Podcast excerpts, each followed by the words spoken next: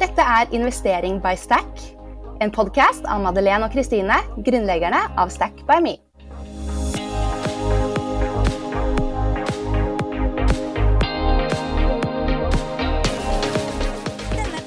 Er sponset av regnskapssystemet 247 Office og ABG-stiftelsen for kvinner i finans. Hallo!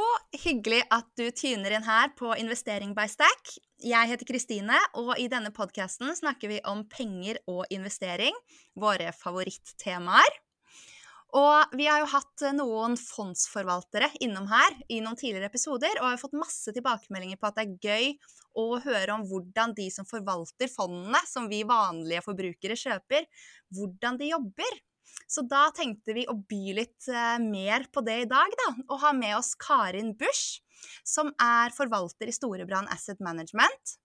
Hun er siviløkonom fra BI, hadde summer internship i DNB, hvor hun deretter fikk fast stilling i DNB Markets, før hun deretter gikk videre til Storebrand Asset Management. Så velkommen hit, Karin. Tusen takk. Veldig hyggelig å få være her. Ja, veldig gøy, altså.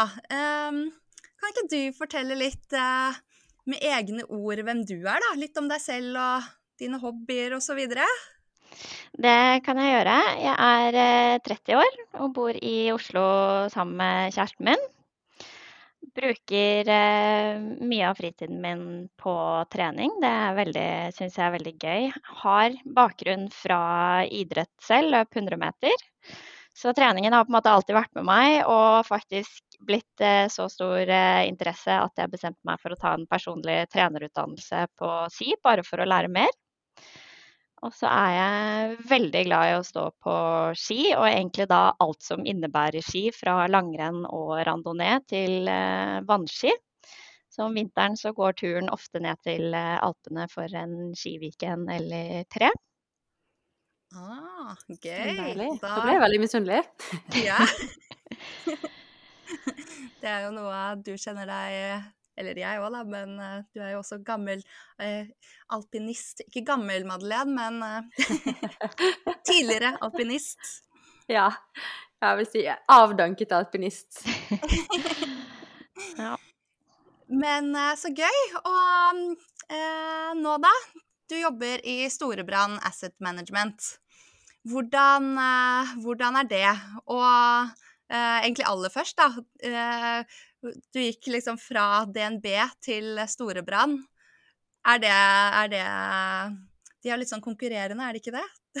det er de. Både DNB og Storebrand har store asset management-avdelinger. Nå kommer jeg fra det som heter DNB Markets, hvor jeg har erfaring både fra analyse og investment banking.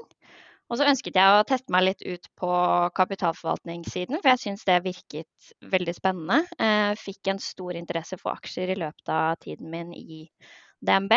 Og da dukket det opp en mulighet i Storbrann Asset Management, hvor jeg nå jobber og sitter på det norske aksjeteamet. Så der er vi fire forvaltere og én trader, og vi har eh, seks ulike fond, faktisk. Så det er ganske mange.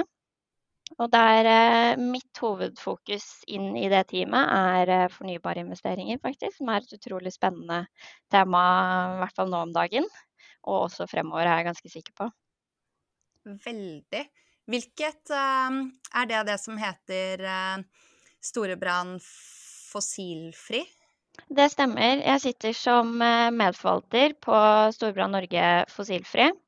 Men så har vi ganske eh, Jeg tror det er litt unik setup det vi har, fordi vi sitter med fondsansvar, eh, som vi har delt inn fondene mellom oss. Men vi jobber på sektorbasis også, og det er jo litt for at vi da i stedet for sitter fire eksperter på f.eks. For fornybart, så tar jeg all fokus, alt mitt fokus på fornybarinvesteringene og tar da investeringsbeslutningen på tvers av alle fondene. Og det gjør egentlig at arbeidshverdagen er veldig spennende, for det første. Eh, og at det blir veldig god teamdynamikk, fordi vi jobber i denne matrisen med fondsansvar og sektoransvar. Eh, så vi bruker veldig mye tid til å diskutere aksjer eh, daglig. Nå er vi en gjeng som er over middels interessert i aksjer også, så vi er veldig glad i å sitte og prate, prate med ulike temaer som dukker opp. Ikke sant. Og dette, i hvert fall det fondet, det har jo vi i Stack-appen. Mm. Eh, og har vi jo sett litt nøye, det gjør det jo veldig bra. ja, det har vært eh, en fin reise siden oppstart. Eh, ligger eh, litt foran eh, indeksen som vi måler oss mot. Mm. Er det noen flere, det vet kanskje du Madeleine, om det er noen flere av de som vi har i appen? Ja, jeg vet ikke, jeg skulle spørre om, er du da, Siden du er på norske aksjer, jobber du også inn mot store brannverdi? Mm. Det gjør vi. Så vi har eh, ja, storbrannverdi og storbrannvekst, og det som heter Storbrann Norge og Norge institusjon og Aksje Innland. Ikke sant. Ikke kult. sant. Veldig kult. Og på Storebrann fossilfri, eller Norge fossilfri, um, du sier imot indeksen som dere kom på derimot. Er det den vanlige Oslo Børs-indeksen da, eller fins det en egen Oslo Børs fossilfri indeks? Nei, det gjør det ikke. Så vi, vi sammenligner oss med OECFX. Veldig mange fond sammenligner seg med OECBX. Um, og det gjør jo at fondets måte, performance For vi måler jo hele tiden performance relativt til denne indeksen. Og der Oslo Børs er en veldig energitung eh, og oljetung børs. Så det gjør jo at hvis oljeprisen går veldig bra, sånn som man f.eks. så i fjor, og også har for så vidt holdt seg på ganske høye nivåer i år også, så vil jo fondet få en litt relativt dårligere performance fordi vi ikke investerer i olje. Mm. Ikke sant. Men eh, sånn som jeg har skjønt det, så er jo eh, 20% av Oslo Børs-indeksen Equinor i dag. Eh, så sånn sett er det vel kanskje greit da at man får vekk de aller største postene som ja, egentlig gir ganske høy risiko for en indeks å være. Mm. Og så er det også litt sånn spennende å ha et sånn type fond i Norge der man utelukker olje og tilhørende eh, industrier til olje. Fordi hvis man har et litt negativt syn på oljeprisen, da, så har vi et fond i Norge der man ikke får eksponering mot oljeprisen. Så man får på en måte en liten hedging mot den norske oljeøkonomien i fondet, da. Ikke sant. Så her kan man eh, få litt av begge deler, da, hvis man kjøper litt vanlig indeks og så litt fossilfri. Ikke sant. Og hvordan er det dere går, eh, eller hvordan er det du da går frem når du skal analysere eh, selskaper. Hvor eh, Eller kanskje først og fremst, da. Hvor mange selskaper er det du dere har investert i, i de forskjellige fondene?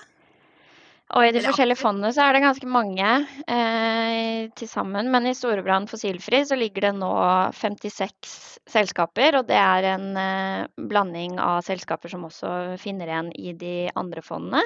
Men så er det også noen litt mindre løsningsselskaper som vi bare har i Fossilfrifondet. Og det er, kan være fordi det har en uh, grønn profil som er veldig interessant, og at vi har veldig troen på selskapet. Men det har ikke blitt stort nok til at vi kan ta det bredt i alle porteføljene. Fordi vi har ganske mye um, penger under forvaltning. Vi har totalt 20 milliarder i aktiv forvaltning. Så hvis vi går inn og ut av selskaper, så må vi være litt forsiktige, for vi flytter kurser ganske mye. Og hvis vi skal ta en posisjon som merkes i fondet, da, i alle fondene, så trenger vi å gå inn med ganske store beløp. Så derfor kan man også finne en del mindre spennende løsningsselskaper også i uh, Fossilfrifondet. Ikke sant. Og da sitter du på en måte de selskapene som du på en måte er litt sånn hovedansvar for. Da sitter du hele tiden og følger med da, på alt som blir eh, rapportert av uh, ting rundt uh, disse aksjene? Det gjør jeg. Vi har den klassiske skjermen som står og blinker eh, som man, fra Bloomberg og, og, andre terminaler vi bruker, så vi følger med hele tiden. Og det er jo det å sitte som forvalter, der kan man jo tracke hvordan man gjør det nesten helt ned på sekundbasis hele tiden. Det, men vi prøver å ikke legge for mye fokus der, og heller fokusere på de store, de store linjene i fondet. Ja, hva er liksom de kuleste eller uh, de aksjene du liker best, da? I de største, eller jeg vet ikke, i fondet? Um, jeg har egentlig ganske mange aksjer som jeg syns er veldig spennende. Jeg er veldig glad i en aksje som heter Cadeler. De driver med installasjon av vindturbiner på havvindparker. Og det syns jeg er et utrolig spennende marked, fordi her står det ikke på ambisjonene. Uh, man ser jo land ha store ambisjoner om utbygging av havvind. Og foreløpig så syns jeg sånn selve havvindparken, der er det vanskelig å få grep om hva som faktisk er økonomien i det. Det er fortsatt mye utestående faktorer, hva totalkostnadene blir, hvordan type kontrakter man skal ha av på strømmen. Men det er jo noen som skal bygge disse vindmøllene, og det er noen som skal bygge disse parkene. og Derfor syns jeg de serviceselskapene som leverer inn til havvind, er utrolig spennende. fordi her kommer det til å være veldig mye jobb fremover også.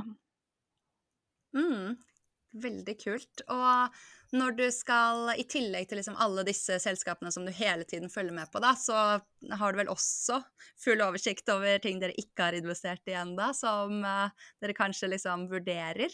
Hvordan, uh, hvordan, er det på en måte du ja, går frem da, for å analysere og komme frem til disse selskapene som dere til slutt investerer i? Det er jo en ganske omfattende prosess, og så har vi på en måte satt vår Eh, investeringsprosess litt eh, i en struktur som vi kan bruke som en guiding når vi følger. Og det første er jo det å analysere selskapene. Eh, da ser vi både på det kvantitative og det kvalitative selskapet. Og det kvantitative selskapet går jo på tallene. Hvordan har de levert? hvordan prises de i forhold til sine peers? og hva er forventningene i fremtiden? og hvilke av, altså avkastning og liksom alt det som har med tallene i selskapet å gjøre. Og så ser vi mye på det kvalitative. Og det går jo på hvordan er selskapet bygget opp, hvilket produkt har de, hvilken tjeneste har de, er dette produkt, et produkt eller en tjeneste som trengs i det markedet de sikter seg til? Treffer de markedet de sikter seg til? Har de organisasjonen, ledelsen, til å være med videre, da, eller til å gjøre det veldig bra. Så det er ganske sånn sammensatt analyse, og her bruker vi eh, mye forskjellig informasjon. Vi bruker jo bare offentlig tilgjengelig informasjon.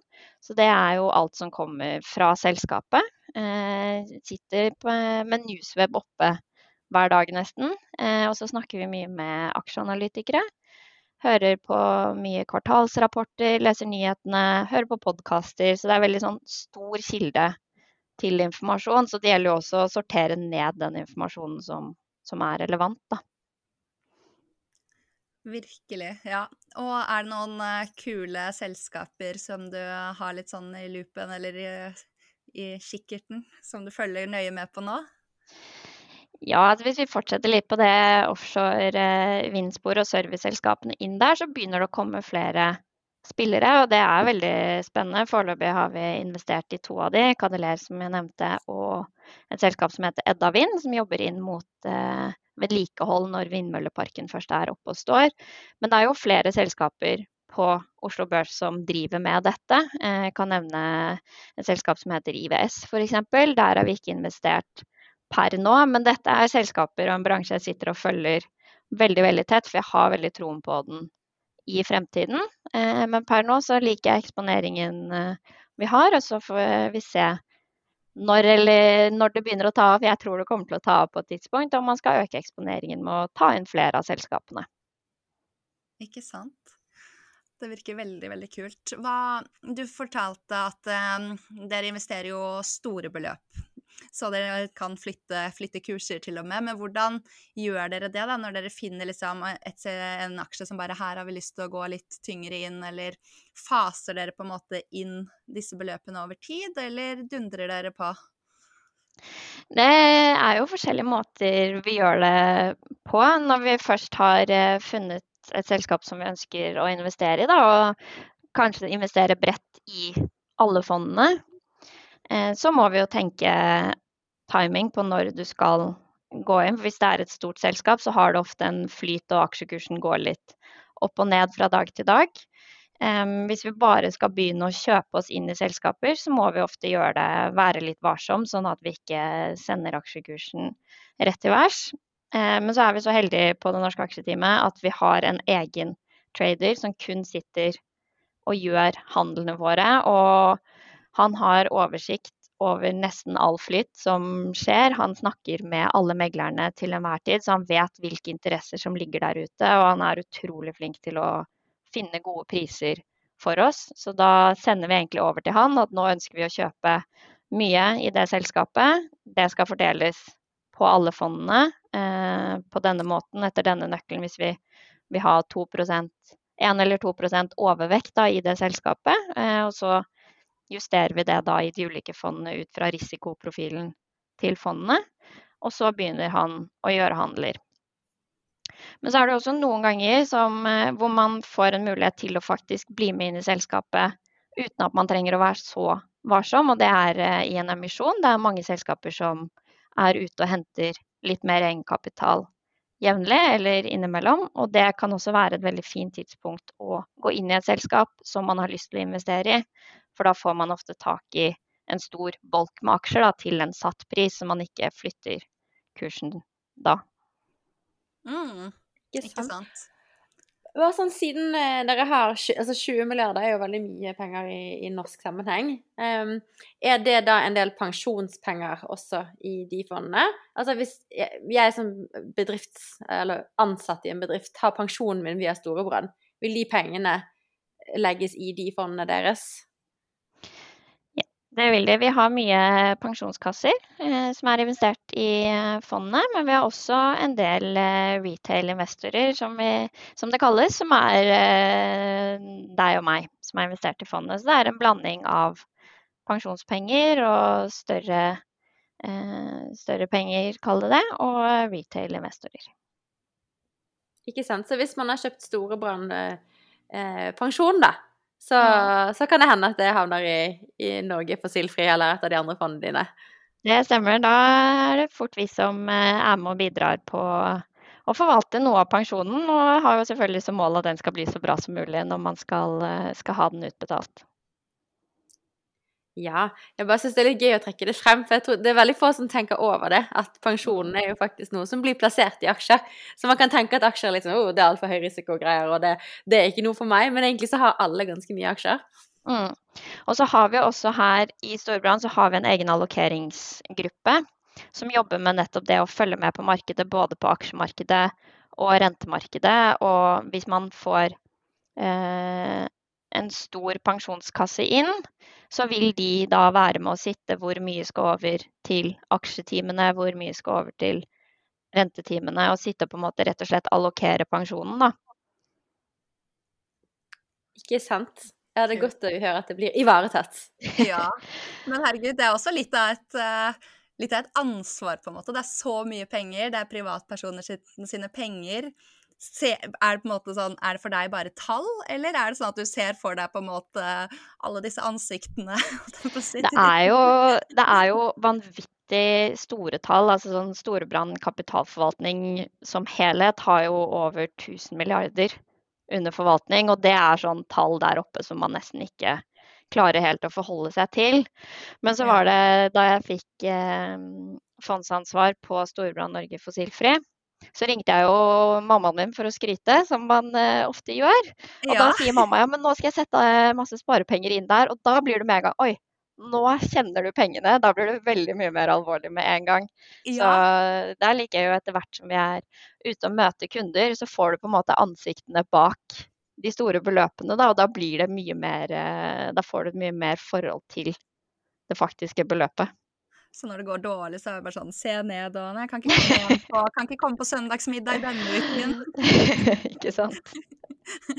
ah, ja, nei, jeg kan tenke meg, holdt jeg på å si, det at uh, det er mye ansvar. Stort ansvar. Det er veldig, veldig kult. Men hvordan fikk du hvordan har det vært for deg da personlig, på en måte? Når var det du eh, begynte Du tok jo siviløkonom ut utdannelse, men var det da tydelig for deg at det liksom finans og aksjer og Har det vært med deg fra barndommen, eller er det noe du har funnet eh, litt frem til underveis? Det er en interesse som har vokst litt eh, etter hvert. Jeg føler jo mange som eh, jobber med aksjer, får litt tilskrevet den at dette har man sittet på pikerommet og gutterommet og handlet aksjer eh, fra tidenes morgen. Og er, den kategorien er nok ikke jeg i. Jeg hadde ikke sett for meg at jeg skulle gå inn i finans. Det var kanskje mer det at jeg hadde ikke helt planlagt fremtiden min. Jeg begynte på en utdannelse som jeg syns virket spennende. Eh, og så ble liksom veien litt til etter hvert. Og etter at jeg hadde hatt det internshipet i DNB, hvor jeg satt på en måte midt i finansmarkedet. Da. Sitter i den store meglerhallen eh, nede i Bjørvika.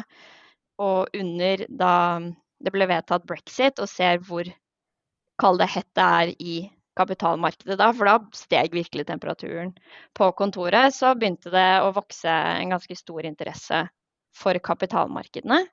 Og så har jeg vært innom eh, investment banking-avdelingen og også aksjeanalyse. Og det var kanskje etter hvert der interessen for aksjer ordentlig begynte, da. Så den har kommet litt, eh, litt etter hvert. Mm, så kult. Hva, med, hva investerer du i privat, da? Jeg har eh, noen aksjer som jeg har hatt før jeg begynte eh, i Storebrand. Eh, og det er rett og slett fordi her i Storebrand er vi ganske strengt regulert på hva vi kan handle av aksjer selv, og det har jo med, naturlig nok med interessekonflikter. Så etter at jeg har begynt i Storbrann, så har jeg kjøpt mer fond. Eh, også egne fond, så man sitter og følger med på sparepengene sine der også. Eh, og så har jeg noe eiendom som jeg har investert i. Så det er en god blanding av flere aktiva klasser. Hvilke aksjer hadde du før du begynte i Storebrandet? Eh, jeg har hatt litt forskjellig. Jeg har blant, første aksjen jeg kjøpte, husker jeg veldig godt. Eh, det var eh, Quantafuel.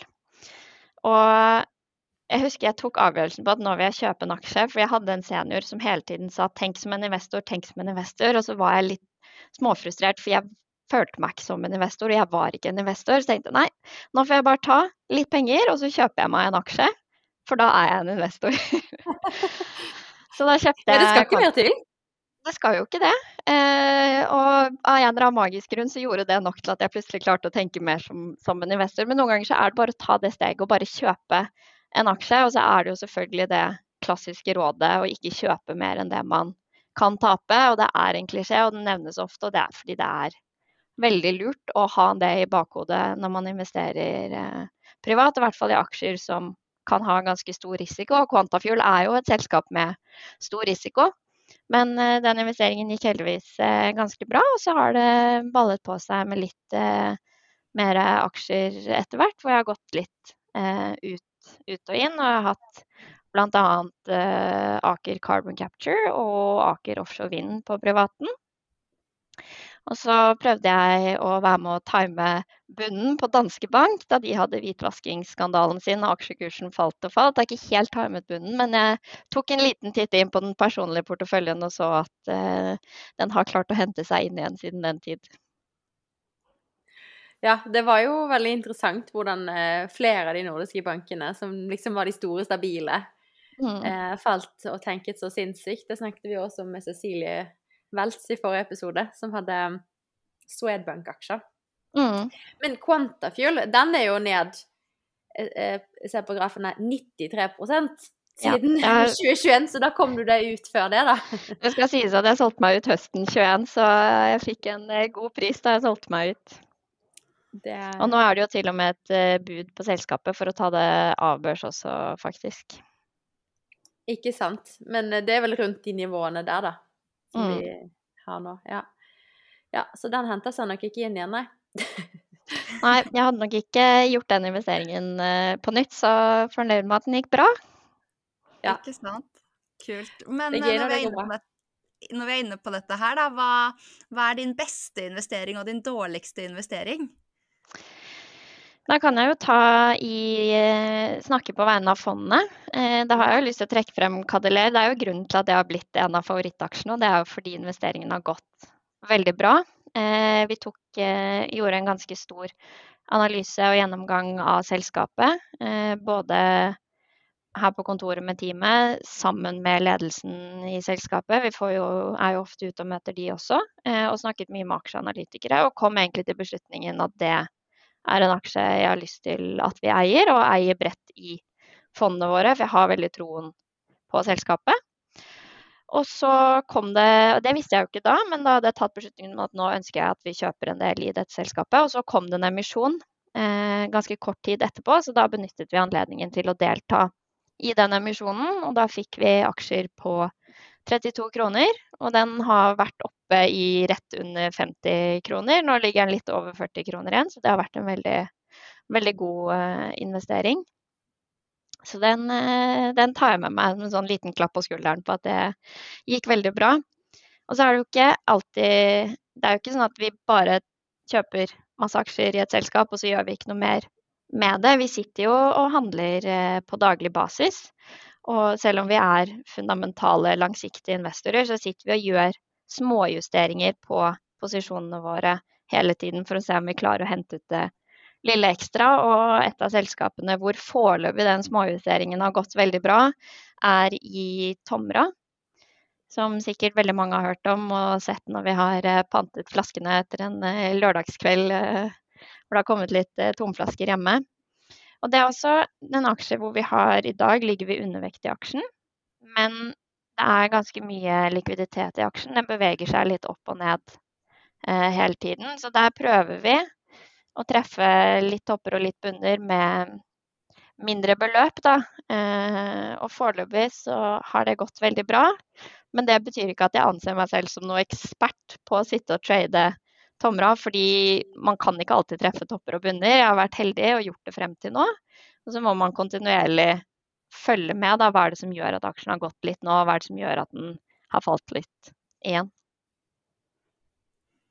Ja, det krever jo ganske mye å følge med på det der. Det, mm. vi, snakker, ja, vi, snakker, jo mest til eh, vanlige folk da, som investerer i, i eh, fond, holdt jeg på å si, i appen vår og gjennom våre sosiale medier. Da. Og mm. dette med at selv proffene da, sliter jo med å time ikke sant? markedet. Når skal man kjøpe, og når skal man selge? Så ja, dette med å liksom være, tenke langsiktig og, og, tåle da, at det svinger så mye. Selv om man liksom ser for seg at man skal eh, stå, stå, i posisjonen lenge, så vil mm. det jo gå opp og ned underveis, og da bare Ja. Og det er jo litt av det som gjør at fond er egentlig en veldig god måte å investere på. Nettopp det du sier der. Det er utrolig mye man skal følge med på. Og vi som sitter som fondsforvaltere, dette er jobben vår å gjøre. Vi gjør det hver eneste dag.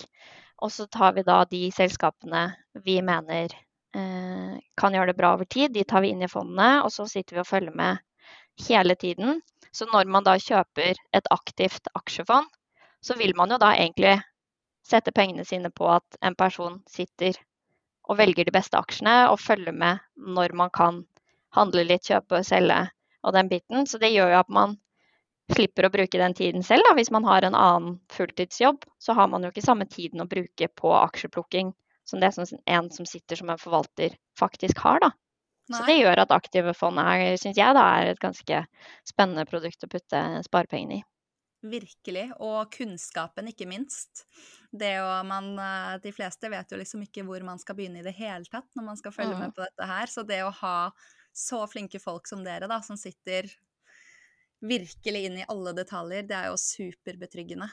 Mm. Eh, hva, med, hva med dårligste investering, da? Har du vært med på noen skikkelige blemmer? Har dessverre det. Jeg husker veldig godt fra da jeg var på jobbintervju, så sa de at eh, hvis du som forvalter treffer på 55% av beslutningene dine og bommer på 45, så er du en veldig god forvalter. Så det betyr at det er et par investeringer man skal bomme på, dessverre. Og eh, jeg har fått erfare det. Eh, ene, den ene investeringen jeg kan trekke fram der, er et selskap som heter Cloudberry. De eh, bygger ut kraftparker eh, og opererer også kraftparker innen vannkraft og vindkraft bl.a. Og der gjorde jeg litt som vi snakket med, om med Cadeler i stad. Samme type jobb. Fant ut at dette er et selskap som jeg har veldig troen på. Det makroøkonomiske rundt så veldig bra ut, det var veldig spennende. Og så kjøpte vi en del aksjer eh, i en emisjon der. Og noen dager senere så kom jo dette forslaget om grunnrenteskatt, som slo veldig mange i markedet som lyn fra klar himmel. Og det gjorde det for oss også.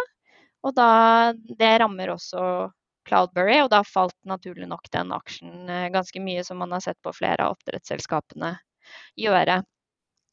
Men dette er jo på en måte noe som er litt utenfor det jeg kan kontrollere. Eh, jeg har jo fortsatt veldig stor tro på selskapet og tror at det kan komme tilbake. Eh, men jeg har også en investering der jeg har rett og slett bommet litt på, på sentimentet.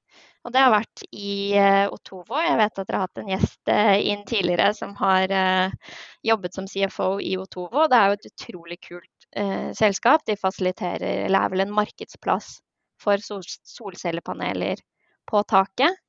Og skal også begynne med leasing av solcellepaneler. Og det syns jeg, akkurat den leasingdelen syns jeg virker veldig, veldig spennende. Men her har det vært eh, litt motvind for selskapet. Ting har tatt litt lengre tid enn man kanskje har sett for seg. Og siden Otovo opererer i så mange ulike land, så er de også eksponert mot veldig mange ulike mm, reguleringer og insentivordninger for solcellepanel på taket. Og der har det vært litt negativ newsflow i det siste.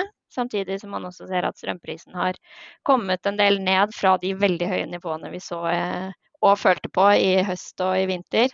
Så det har på en måte sentimentet vært litt mer negativt eh, enn det jeg kanskje så for meg det kom til å bli da, da jeg valgte å investere i selskapet i eh, fondet. Ja, jeg syns jo også at det er litt sånn rart at i en tid da, hvor man ser hvor utrolig viktig det er å være litt selvforsynt på strøm, da. Selv om prisen har kommet litt ned, da, så er det sånn Ja, nå er det jo vår, og det har vært en varm vinter. Eh, det kunne jo vært helt krise. Eh, at ikke man og så fjerner de plutselig subsidieordninger i Italia. Og så mm. eh, Ja, generelt sett eh, så har det jo ikke vært så på en måte medvind for solcellepaneler som jeg ville trodd, da, gitt situasjonen. Mm. Det, var, det, er også min eh, konklusjon. Jeg hadde også troen på at det skulle gå veldig mye mer. Men jeg tror jo Altså, vi skal jo dit. Vi skal, eh, vi skal en vei hvor man er mer som du sier, selvforsynt på energi. Eh, og solcellepanel på tak er jo en veldig fin løsning for husholdninger. Da. Den er veldig enkel, og Tovo mm. fasiliterer det veldig bra. Så jeg har fortsatt veldig troen på selskapet. Og det er jo litt hvis man gjør en feil investering, eller gjør en investering som ikke går sånn som man ønsker, så må man sette seg ned og analysere hva er det som gikk feil, hvorfor gikk det feil, hvorfor ble det ikke sånn som jeg tenkte. Og så må man da enten ta valget, skal man ta tapet, eller har man fortsatt så tro på selskapet at man velger å stå litt i det, da. Vi driver jo med langsiktige investeringer, så jeg, i Otovo har jeg faktisk valgt å, å stå litt i det og håper at den kan komme litt tilbake. Jeg har ikke dypdykket i Otovo-aksjen. Jeg har i hvert fall stål tro på solcellepaneler. Vi har 200 bestilt nå til huset vårt. Så det var egentlig mest fordi at jeg klarte ikke å finne noe tak jeg syntes var fine. så så kan man også ta beslutninger. Da er det bare å sette solcellepanel på toppen. Er det gjennom Otovo, Madeleine? Nei, det er det ikke. Jeg har også en far som importerer fra Kina. Så det er vel kanskje et av problemene med solcellepaneler, da. Det er at det er veldig lett å få tak i til en rimelig penge. Mm. Så faren din er rett og slett konkurrenten til Otovo her i Norge? ja. Hadde ganske liten i forhold foreløpig.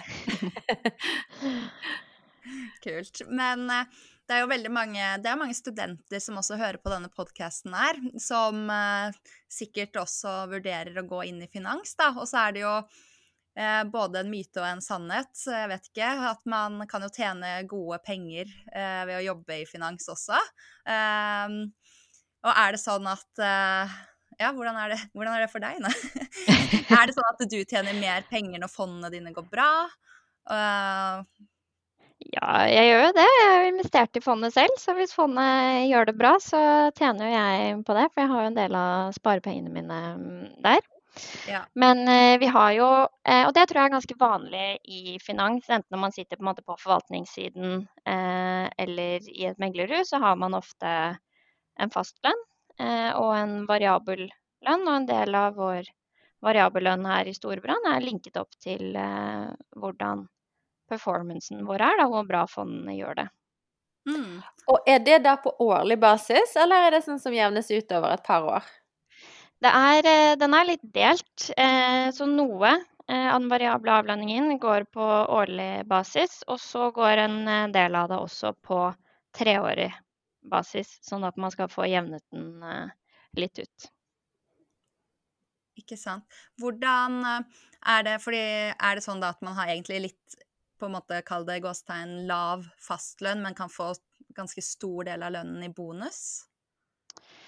Det tror jeg varierer veldig fra eh, arbeidsgiver til arbeidsgiver. Og så skal jeg innrømme at jeg har på en måte ikke hele Jeg har ikke innsikt i hvordan veldig mange andre meglerhus og forvaltningshus gjør det. Men eh, hos eh, Storebrand så har vi en god fastlønn.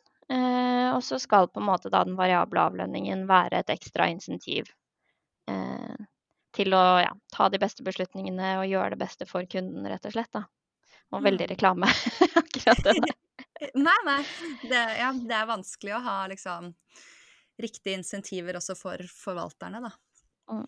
Sånn at man ikke makser ut det ene året for å få bonusen sin, eller uh, ja. ja. Og det er jo da den treårige eh, faktoren med på å smoothe litt over, da. Ja. Hva, hva er det du Vi pleier liksom å spørre litt sånn om hva er det du drømmer om personlig? Er det liksom uh, er det noen store økonomiske drømmer du ser for deg å oppnå i livet? det blir jo litt sånn kanskje det generelle svaret med at man ønsker økonomisk eh, frihet. Og så er jeg nok ikke den klassiske personen som har en femårsplan eller en tiårsplan med at om fem år så har jeg lyst til å oppnå dette, jeg vil være på dette stedet i livet og tilsvarende om, om ti år. Men jeg nyter veldig godt den posisjonen jeg har nå, da, hvor jeg kan på en måte tillate meg OK, jeg har en retning, jeg har en idé om hva jeg har lyst til å ha klart. Men den veien og de konkrete planene blir litt til etter hvert som jeg går, da. Og sånn har jeg egentlig litt lyst til å kunne fortsette å leve, og det er litt sånn jeg ser for meg, eller definerer økonomisk frihet for meg selv, at jeg kan fortsette å leve ut fra det som er lystbetont, og ikke at jeg må gjøre ting. Mm. Ja, nei, virkelig. Det er økonomisk frihet og Man vet jo aldri helt hva man uh, ender opp med, og drømmene kan jo endre seg underveis òg, ikke sant. Sånn, det er jo kjempemange som sier sånn, ja Eller sånn som deg, Madeleine. Sånn, man ønsker seg egentlig Man sparer til en hytte, og så plutselig skal man bygge hus. Eller uh, ja, vi har ikke lagt den hytten helt på hyllen ennå, så jeg merket det i påsken eh, at uh, far heller skulle veldig gjerne hatt den hytten som var skiensk out. Men vi, vi, var faktisk to dager på, på Vestlia hotell eh, resort istedenfor. Vi fikk en veldig god pris. Um, og det er jo billigere eh, å bare leie seg inn på hotell de få gangene man ønsker ski in, ski out. Så ja, vi klarer oss. Ja, men det er jo bra. Du kan jo fortsette å ha det som en sånn eh, langsiktig, et langsiktig mål. Og så kommer det sånne småting som husbygging og sånn på veien. Ja. det er vel kanskje ikke en liten ting. Nei. Nei, det er det. det. Men det er gøy å drømme litt, da. Uh, men uh, nå, da, som Eller altså, det har jo ikke vært uh, så nervøse markeder, men det har jo vært litt av Litt til det det siste året, kan man vel si. litt bear markets og diverse. Er det noe Har du liksom Ja, både hvordan håndterer dere dette i store brann, og har du liksom egentlig noen tips til hvordan privatpersoner eh, burde sitte i dette her? Det er jo store, vanskelige spørsmål, men Ja, det er store spørsmål, men det, jo, det er som du sier, det har jo preget markedene de siste årene veldig mye store usikkerheter. Vi gikk jo ut fra covid til en tragisk invadering av Ukraina, og så har vi begynt år i år med en sånn liten eh, utfordring i banksektoren. Så det er klart det skjer ting hele tiden, og den geopolitiske risikoen er jo utrolig høy. Eh, så det er klart det er utfordringer som ligger i markedet. Eh, men jeg tror nok det beste rådet man kan gi, er det å ha litt is i magen. Eh, spesielt på sparepengene sine. Se på det som en langsiktig sparing, for det vil alltid til tider være uro i markedene på kort sikt, men på lang sikt så har vi jo sett Man kan jo på en måte bare ta opp grafen av Oslo Børs, så ser du at den på lang sikt stiger jo jevnt og trutt hele tiden. Og så kommer det noen sånne smådipp innimellom, som f.eks. covid har gjort. Eh, og så bouncer den tilbake, da. Så det er jo det å ha is i magen på sparepengene sine, være litt langsiktig, i hvert fall hvis man på en måte sparer til kall det livets lange løp, da, og til pensjonstilværelsen eller hva man har som mål. Og hvis man ønsker å ha litt mer kortsiktig sparing, teste ut aksjemarkedet litt, så er det jo det å rett og slett følge med og kanskje velge i perioder med stor geopolitisk usikkerhet, velge aksjer som kanskje ikke nødvendigvis er så påvirket av det, da. Som kan være vanskelig å finne, selvfølgelig, men da må man på en måte gjøre litt, gjøre litt jobben da, på å se ok, denne aksjen, hvordan blir den potensielt påvirket av global usikkerhet? Og nå har man jo ganske mange datapunkter man kan se på, for man kan jo faktisk se ok, ble, hvordan ble denne aksjen påvirket i fjor, da Russland invaderte Ukraina? Så kan man ha et lite holdepunkt der og se hvordan aksjen ble påvirket, og prøve å finne ut hvorfor den eventuelt da ble påvirket. Mm. Ikke sant. Det, det, høres jo ut som noe som kan gå veldig inn i vår filosofi også, dette her, Madeleine. Absolutt. Absolutt. Hva tror du om eh, markedet fremover, da? Tror du det er lurt eh, å starte å investere nå, dersom man ikke har investert noe før? Det er jo på en måte egentlig bare å, å komme, komme, i gang hvis man ønsker å begynne å investere. Men det er jo klart vi går jo fra en uh, veldig sterk tid i aksjemarkedet. Så kanskje man, hvis man tar, skal investere i fond, at man kanskje tar en liten avveining. For det er veldig gode renter i pengemarkedene. så kanskje man tar og velger litt i aksjefond og litt i obligasjon og rentefond. At man på en måte avbalanserer porteføljen lite grann. Men jeg tror hvis man har langsiktig mål med sparingen sin, så kan man starte når man ønsker å starte. Ikke sant. Ja, og på lang sikt eh, så regner jeg med at du fortsatt tror på høyere avkastning i aksjefondene enn i i pengemarkedsfondene. Absolutt. Aksjer er jo en eh, aktivaklasse med høy risiko, og høy risiko, da skal man gjerne ha høy avkastning. Så det er jo ofte sånn det, sånn det henger sammen. Og så er det jo, vel kan det nevnes at det å sitte med aktiv forvaltning på Oslo Børs er veldig, veldig spennende. For Oslo Børs er ikke nødvendigvis gjennomanalysert. Det er eh, ting kan komme litt i ulik rekkefølge. Så det å sitte og bruke veldig mye tid på å analysere selskapene på Oslo Børs kan faktisk bidra til at man en, kan få en større meravkastning, da. Mm, ja, det syns jeg er et veldig godt poeng, og det prøver vi også å, å preache litt på både Instagram og her i podkasten. At dette med at det bare er indeksfond som er verdt å investere i, det er jo litt sånn eh, en forenkling som har dukket litt opp fordi eh, selvfølgelig er jo det det enkleste. Og på global basis så har jo indeksfond gått aller best de siste 15 årene. Men hvis du begynner å se på enkeltmarkeder som Storbritannia eller som Norge, så er det ikke, er det ikke samme der. Eh, det er mange aktive fond som slår indeksen. Og mange nordmenn velger jo å spare kun i Norge. Eh, mm. Så da er det mye spennende å velge mellom. Mm. Ehm, så det. Eh, men kanskje det var en fin eh, note å avslutte på. Da, da er vi helt enige. ja, det er bra. Helt perfekt. Vi pleier jo ofte å avslutte med en oppfordring, eller vi pleier alltid å eh, avslutte med en oppfordring. Og i dag så må det bli at alle må sjekke ut fondet til Karin i Stack-appen. Eh, men også virkelig, dersom du ikke har begynt å investere enda, så må du gjøre én ting, og det er å laste ned Stack-appen, finne deg et fond du liker, legge det i handlekurven og sjekke ut. Rett og slett. As easy as that. For uh, det nytter jo da som sagt ikke å sitte og vente på et bra tidspunkt. Selv proffene uh, vet jo ikke helt hva som er det beste tidspunktet. Det er umulig å vite. Og historisk så er det én ting da, som alltid har vært gjennomgående dersom man har et langt tidsperspektiv, og det er jo at jo før, jo heller. Så bare det å komme i gang, rett og slett, som uh, vi har vært inne på her i dag. Så ja, er det noe mer du ønsker å adde før vi avslutter da, Karin? Jeg syns det var en uh, veldig god oppsummering, jeg. Ja. Herlig. Nei, men tusen takk for all deling, og det virker jo kjempespennende. Og det er veldig gøy da å bli kjent med deg og høre hvordan dere jobber og sånn, fordi ja, i hvert fall jeg får jo lyst til å gå rett inn på fondet ditt og føle med en gang at jeg stoler på deg, så Ja, men det, det, er godt å høre, og det er jo Jeg syns jo jobben er veldig spennende. Så jeg gleder meg til å gå på, gå på jobb hver dag og det er en utfordrende og, og kul jobb, så um, det er morsomt å sitte midt i smørøyet av fond. Ja, det kan jeg tenke meg. Nei, tusen, tusen takk eh, for i dag. Og alle må huske å abonnere på podkasten, så får dere varsel når neste episode kommer.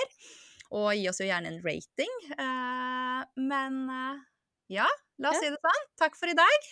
Takk for i dag. Ha det bra. Ha det! Og for dere som er studenter, så hold linjen ett minutt til, så skal dere få høre noen ord fra Marianne i ABG-stiftelsen. Hei, mitt navn er Marianne Daa, og jeg jobber for ABG Sunda Collier-stiftelsen Women in Finance. Vårt mål er at flere kvinner skal velge en karrierevei innen finansbransjen.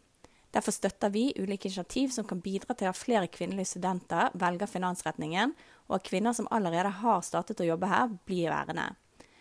Vi må bl.a. bidra til at unge jenter og kvinner får nok informasjon om de mulighetene som finnes i finans, slik at når valget om karrierevei skal tas, er en karriere innen finans et av alternativene. Det finnes mange grunner til hvorfor en finanskarriere er et godt valg. En jobber med meningsfulle og spennende oppgaver, har varierte arbeidsdager og får mye innsikt i ulike bransjer og sektorer, samt møter interessante kunder og investorer. Og i tillegg, den kompetansen en opparbeider seg med erfaring fra finans, kommer alltid til nytte. Så hva kan vi gjøre for å få flere kvinner til å velge å jobbe i finans? Det ønsker vi hjelp til å finne svaret på. Stiftelsen støtter initiativ som bidrar til at interessen for finans øker blant kvinner, som Women in Finance studentforeningene, og podcaster som denne her, som sprer god informasjon om investeringer. Har du en god idé til flere initiativ som kan bidra til å øke antallet og bedre tilrettelegge for kvinner i finans, håper vi at du sender en søknad om støtte til ABG Sunda Collier-stiftelsen Women in Finance.